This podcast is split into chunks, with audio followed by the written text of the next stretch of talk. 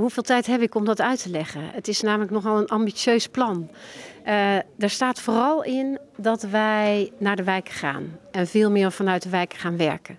En dat we veel meer samen met de mensen in de wijken ons programma willen maken. Dat wij niet alles meer bedenken, maar dat we vooral leunen op wat hun behoeften en hun inzet gaat zijn. Meer naar de wijken toe. Gaan de panden weg? Uh, ik zou eerder panden erbij willen hebben. Want we zitten op uh, vier prachtige plekken in de wijken, maar we zitten nog niet in elke wijk. Welke wijk wilt u graag komen? Wij willen heel graag ook uh, iets in Zuidwest gaan doen.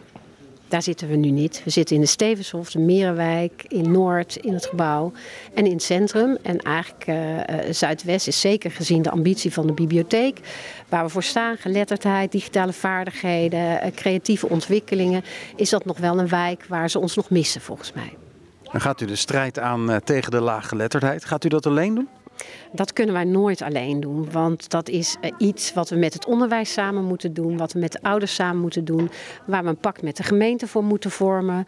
Dus uh, wij kunnen een steentje bijdragen door alle professionele uh, deskundigheid die wij in huis hebben, als ondersteuning aan het onderwijs aan te bieden, taalhuizen te organiseren. Maar uiteindelijk is het een opdracht voor de stad.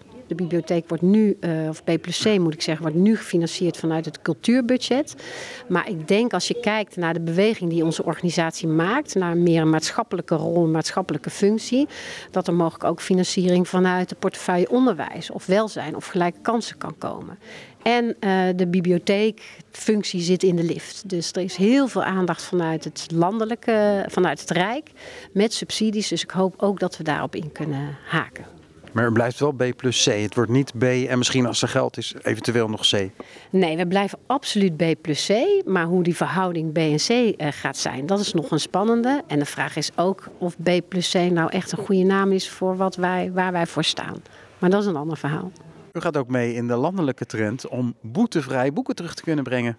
Ja, dat klopt helemaal. En dat uh, gaan wij doen vanaf 1 januari 2024. Dus dat is al heel snel voor uh, iedereen tot en met 25 jaar die bij ons lid is, kan uh, boeken komen lenen en hoeft geen boete te betalen als ze te laat zijn met het terugbrengen.